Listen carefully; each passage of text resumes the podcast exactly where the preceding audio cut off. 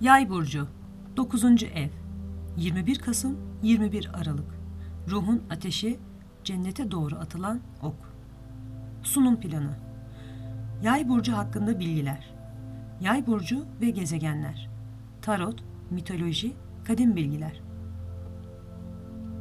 Yay burcu ateş elementindendir.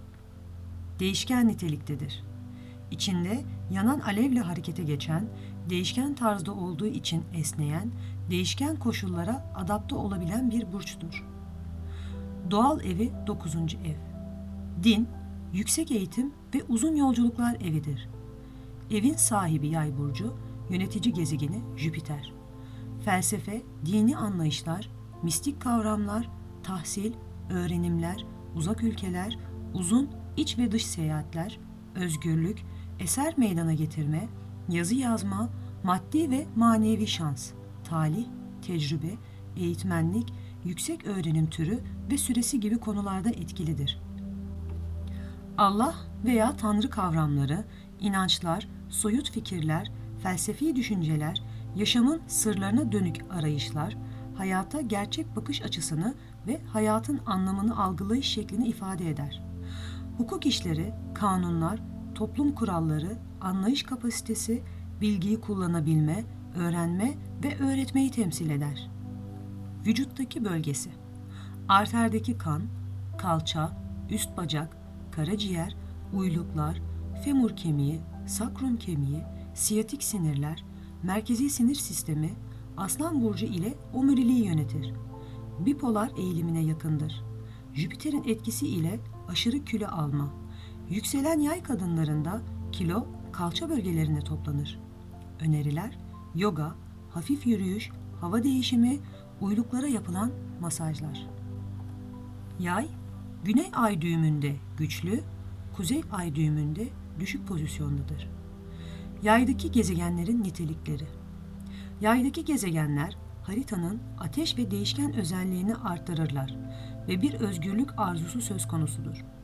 Yay burcu Mars, Uranüs ve Güneş gibi hızlı hareket eden, enerjik ve değişime direnç göstermeyen gezegenlerle iyi geçinir. Merkür burada geleneksel olarak zararlı olmasına rağmen tamamıyla kötü bir durumda değildir. Yaydaki gezegenlerin nitelikleri Merkür'ün yönetici burçları ikizler ve başak burçlarındaki gibi bilgiyi olduğu gibi aktarmak söz konusu değildir. Burada konuşmaktan çok düşünmek, araştırmak ve sentezlemek vardır. Bu sebeple Merkür, Jüpiter yönetimindeki yay ve balık burçlarında düşük durumdadır. Merkür'ün iletken enerjisi yaya uymaz. Çünkü yay hiçbir şeyi olduğu gibi almak istemeyecektir. Halbuki elçiye zeval olmaz ve Merkür aldığı bilgileri doğru gibi aktarmakla yükümlüdür. Arada küçük oyunlar ve hileler yaparak da istediğini elde eder. Yayın yüksek ahlaki değerleri vardır. O hep doğrunun ve gerçeğin peşindedir. Bu sebeple hep arar, hep yollardadır ve hep sorar. O dinleyip sentezler. Bir anlamda söz gümüşse sükut altındır diyecektir. On düşünüp bir söyleyecektir. Yaya kısa bir bakış. Mevsimi doğanın kış uykusudur. Psikolojik bağlantısı, yaşamın içsel veya ruhsal yönünün işlenmesi, gelecek için umut dolu planlama. Ateş burçlarının isteklilik, heves, coşkunluk, sıcaklık, içtenlik, iç idealizm, yaratıcılık, ateşlilik, kendine fazla güvenme, iddiacılık. Hevesli, enerjik, dürtüsel, spontan, coşkun, yaratıcı, kendini harekete geçiren, kendine güvenli, idealist, iyimser, öznel, ilham veren. Değişken burçlardan ikizler ve yay yukarı yönelmiş enerji spiralidir. Bu burçlar geleceğe yöneliktir. Yayın kahinlik eğilimi vardır. Güney burçlarındandır. Terazi, akrep, yay, oğlak, kova, balık. 24 Eylül'den 20 Mart'a kadar Güneş'in güney deklinasyonundaki burçlar. Uzun yükselimli burçlar. Yengeç, Aslan, Başak, Terazi, Akrep, Yay. Bunlar çoğu kez ufkun üzerinde yükselirken diğerlerinden daha uzun zaman alırlar ve bu nedenle bir haritada iki tane ev başlangıç çizgisi bulundururlar. İyi yanları asla yalan söylemeyi beceremez, aldatma karakterine uymaz. Kötü yanları şiddetle öfkeye kapılma eğilimi, aşırı şişmanlığa ve alkolikliğe yol açan fazla yiyip içme. Alaycı, sır tutamayan, konudan konuya atlayan, çok dikkatli olmalarına rağmen ufak tefek eşyalarını sürekli kaybeden. Ayrıca koşar gibi yürüyen, özgürlüklerine düşkün, seyahat etmeyi seven spor meraklısı. Okuyla en hassas yerinizden vurabilen. Yayın esas hedefi hayatın anlamını keşfetmektir. Gezgin, öğrenci, filozof. Her birinde akıl, ok gibi dışarıda yeni ufuklara yönelmiştir. Alışık olunmayan deneyimlerin toplanması yoluyla farkındalığını geliştirir. Bu gelişim yayın yaşam gücüdür. Gezginde bu gelişme fiziksel faaliyet sonucu oluşur. Coğrafi hareketliliğe sahiptir. Yeni ve değişik çevrelere girer. Öğrenci zihinsel faaliyetle gelişir. Yeni bilgiler ve farklı bakış açılarıyla karşılaşır. Ve filozof bunu sezgisel olarak yapar. Bilinci geliştirmeye, evrenin temel kurallarının farkına varmaya çalışır. Okçunun son noktası, yaşamın nihai anlamını kavramak, kozmik şemada kendi yazgısını bulmak, gerçeğe ulaşmak. Yüce hedefler ve pratikte bunlara ulaşmak, bayrak direğine tırmanmaktan daha zordur. Okçunun son noktasını uygulayabilirlik açısından 12 burç arasında en zor olanıdır. Yay için kesin bir son yoktur. Sadece sonsuz bir süreç vardır. İnsanın temel hünerinin anlamını aramak olduğunu kavramasıdır. Ve geçiciliğin hakim olduğu bu dünyada bitmeyen arayış ile insan arasına girdiği sürece her şeyin anlamsız olduğunun kavranmasıdır. Gezegeni Jüpiter, zarar gördüğü burç İkizler ve Başak, düşük olduğu burç Oğlak. Jüpiter'i tanıyalım. Zodyak çevresini 12 yılda tamamlar. Her burçta ortalama bir yıl kalır. Venüs'ten sonra en parlak gezegendir. Gündüzcü ve erildir. Sıcak ve nemli tabiatı ve ağır en büyük yarar getiren gezegendir. Astronomide dünyayı koruyan bir gezegendir. Antik çağlardan bu yana Jüpiter ve Satürn zamanın belirleyicisi kabul edilir. Kavuşum döngüleri dünyadaki sosyal ve ekonomik değişim döngülerini saptamakta kullanılırdı. Jüpiter'in astrolojide temsil ettiği konular bolluk, bereket, şans, talih, kazanç, büyümek, büyük para, finans göstergesi, spor, felsefe, inançtır. Neye nasıl inandığımız, liseden sonraki eğitim, umut, zenginlik, bilgelik, ahlak, etik değerler, erdem, hukuksal konular, kanuni işler, bereket, adalet, barış, ahlak, hoşgörü, affetme, genişleme, yayılma, rahipler, sporcular, üniversite eğitmenleri, dekanlar, yargıçlar, avukatlar, burjuva sınıfı, yayın evleri, camiler, ibadet yerleri ilgi alanıdır. Jüpiter aynı zamanda abartı demektir. Her şeyi abartan, çoğaltan bir tarafı da vardır. Aslında bu temaların hepsi Yay burcunun da konuları zaten Jüpiter'den dolayıdır. Mitolojide Jüpiter. Jüpiter, Satürn ile Ops'un en geç çocuğudur. Roma mitolojisinde en güçlü tanrıdır. Zayıf insan ırkının koruyucusudur ve yaratıcısıdır. Jüpiter'in en güçlü silahı Zeus gibi bir şimşektir ve gökyüzünün tanrısıdır. Gökyüzünü yönetir. Kız kardeşi Juno ile evlidir. Kardeşleriyle dünyayı yönetmektedir. Kardeşi Neptün denizleri, Plüton ise yer altını yönetmektedir. Zeus ve Jüpiter'i birbirinden farklı düşünmek yanlış olur. Zeus Jüpiter'dir. Jüpiter de Zeus'tur. İkisi de şimşekleri kullanan gök tanrılarıdır. Kardeşleri denizleri ve yer altını yönetir. İkisi de kız kardeşiyle evlenmiştir ve ikisinin de çok fazla aldatma hikayeleri vardır. İnsanlığın babası ve koruyucusu olarak görülmektedirler. Jüpiter, Seneton'un en yücesidir. Kanunun tanrısı ve yöneticisidir. Jüpiter'in bazı uyduları ve mitolojideki isimleri. Metis, Jüpiter'in bilinen en içteki uydusudur. Yunan mitolojisinde Metis, Zeus'un ilk karısı ve bilgeliğin sembolüdür. Adresti, Jüpiter'in en yakın ikinci uydusudur. Yunan mitolojisinde Adresti, insanların yaptığı haksızlıkları cezalandıran tanrıçadır. Almetia, Jüpiter'in üçüncü uydusudur. Almetia, Yunan felsefesinde Zeus'u emziren kutsal keçi olarak bilinir.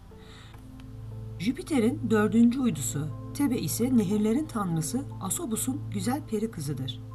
Jüpiter'in beşinci uydusu Io, Yunan mitolojisinde nehir tanrısı Inakos'un kızıdır. Baş tanrı Zeus Io'dan hoşlanır. Ancak Io, Hera tapınağında bir rahibedir ve Zeus'u reddeder. Zeus bunun üzerine Io'ya uykusunda musallat olur.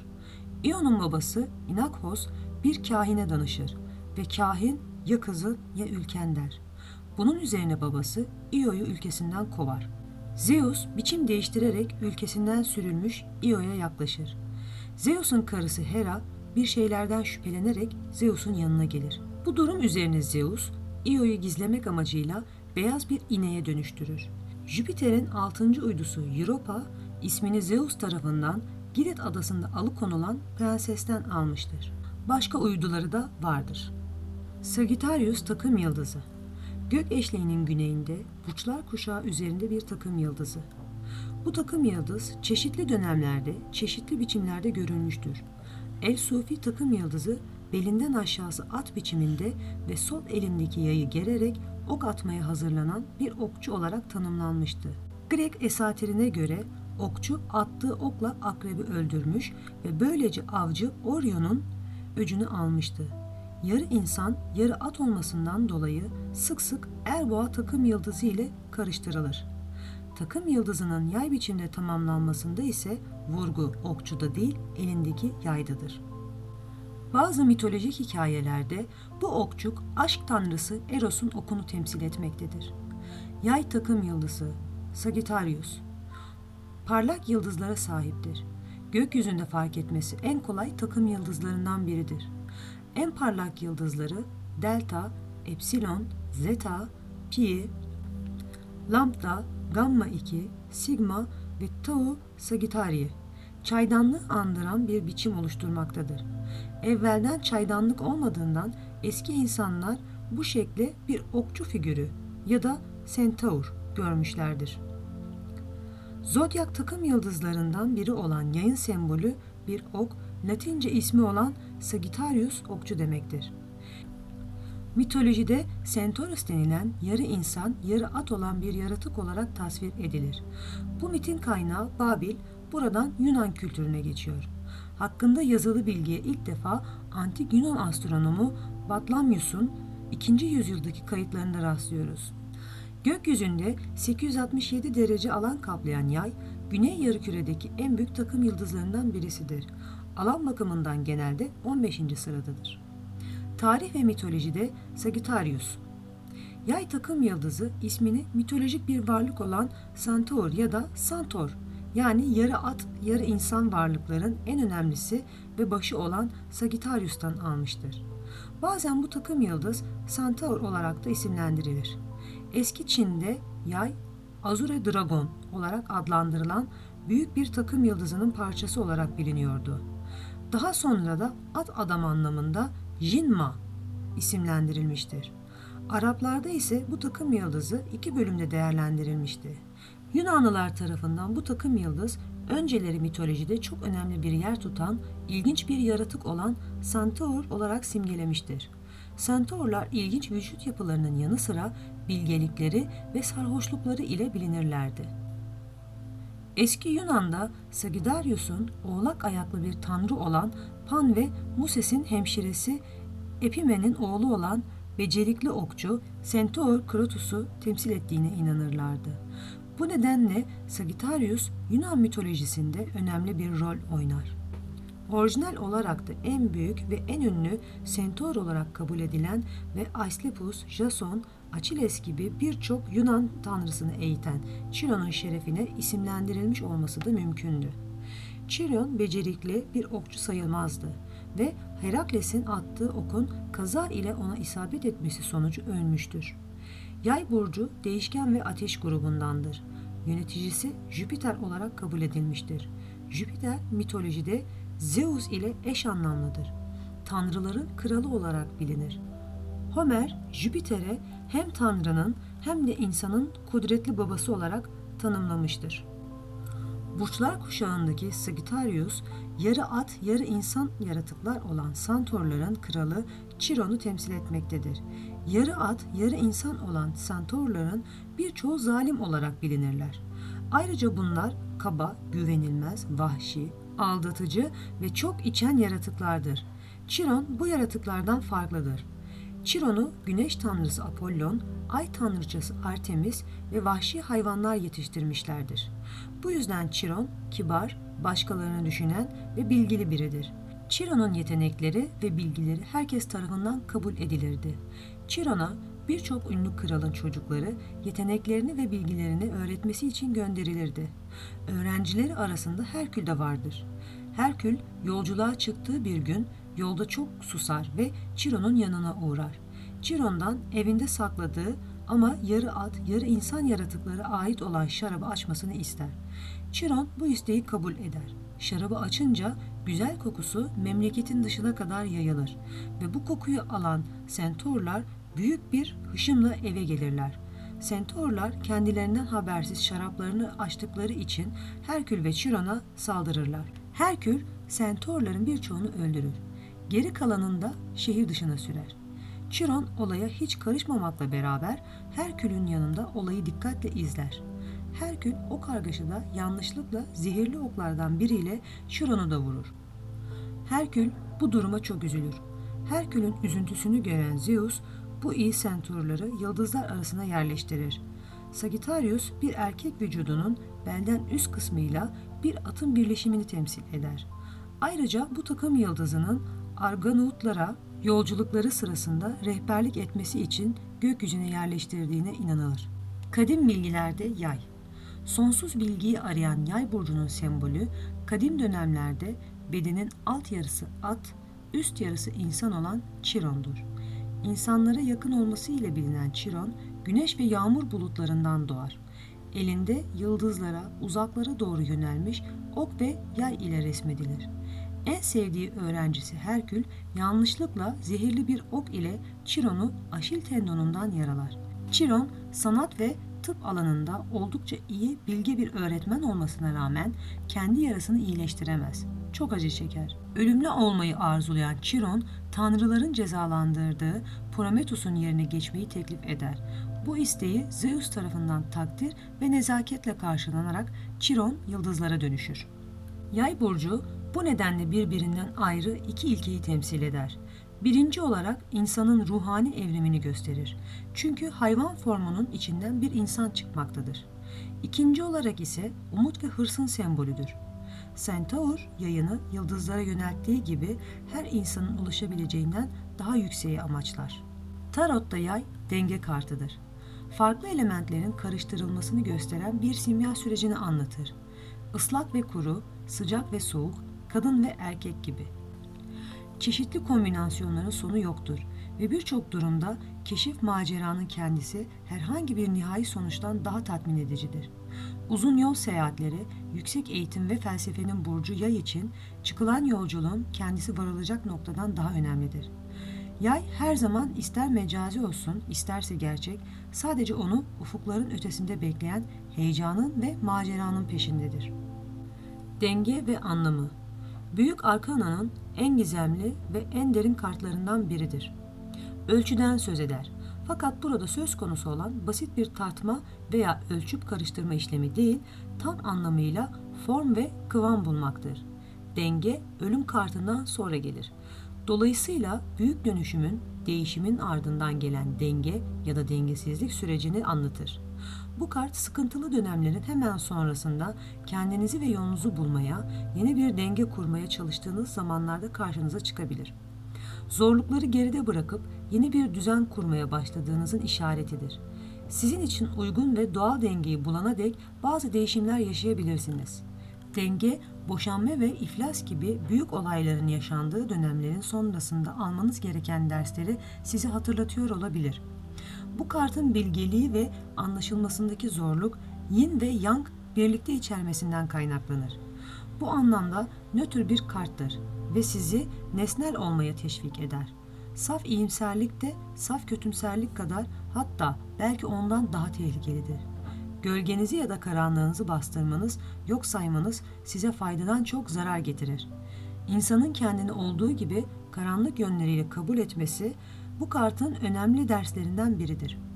Bu kartın bahsettiği ölçü ve dengeye kavuşabilmek için iyi kötü, doğru yanlış, ışık karanlığın birlikte kavranması ve kabul edilmesi gerekir. Tek taraflı bakmamak, iki tarafı da görebilmek, olayları hem olumlu hem de olumsuz tarafıyla değerlendirmek, gerçeği daha bütüncül bir şekilde kavramamıza yardımcı olur. Dengenin bilgeliği ve huzuru bu kavrayışta yatmaktadır. Unutmayın, sürekli pozitif düşünmek iyi bir yaşam hedefi görünebilir. Fakat bu ölçü her zaman esastır. Hayat ve doğa dengededir ve dengeyi arar.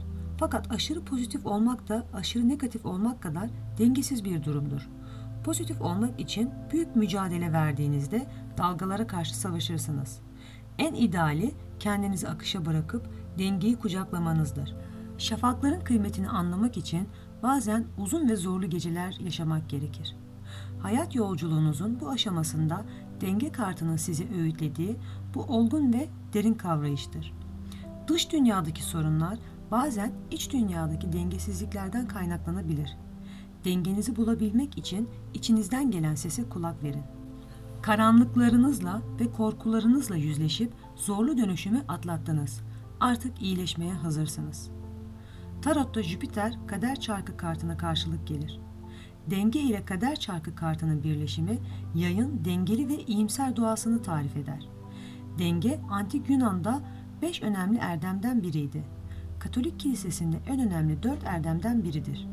Alkolden tam anlamıyla uzak durmak anlamına gelirken aynı zamanda ateş ve soğuk kullanılarak çeliğe su verilmesi yani sertleşmesi zaman içinde daha sert ya da daha dayanıklı olması gibi mekanik bir süreci de ifade etmektedir.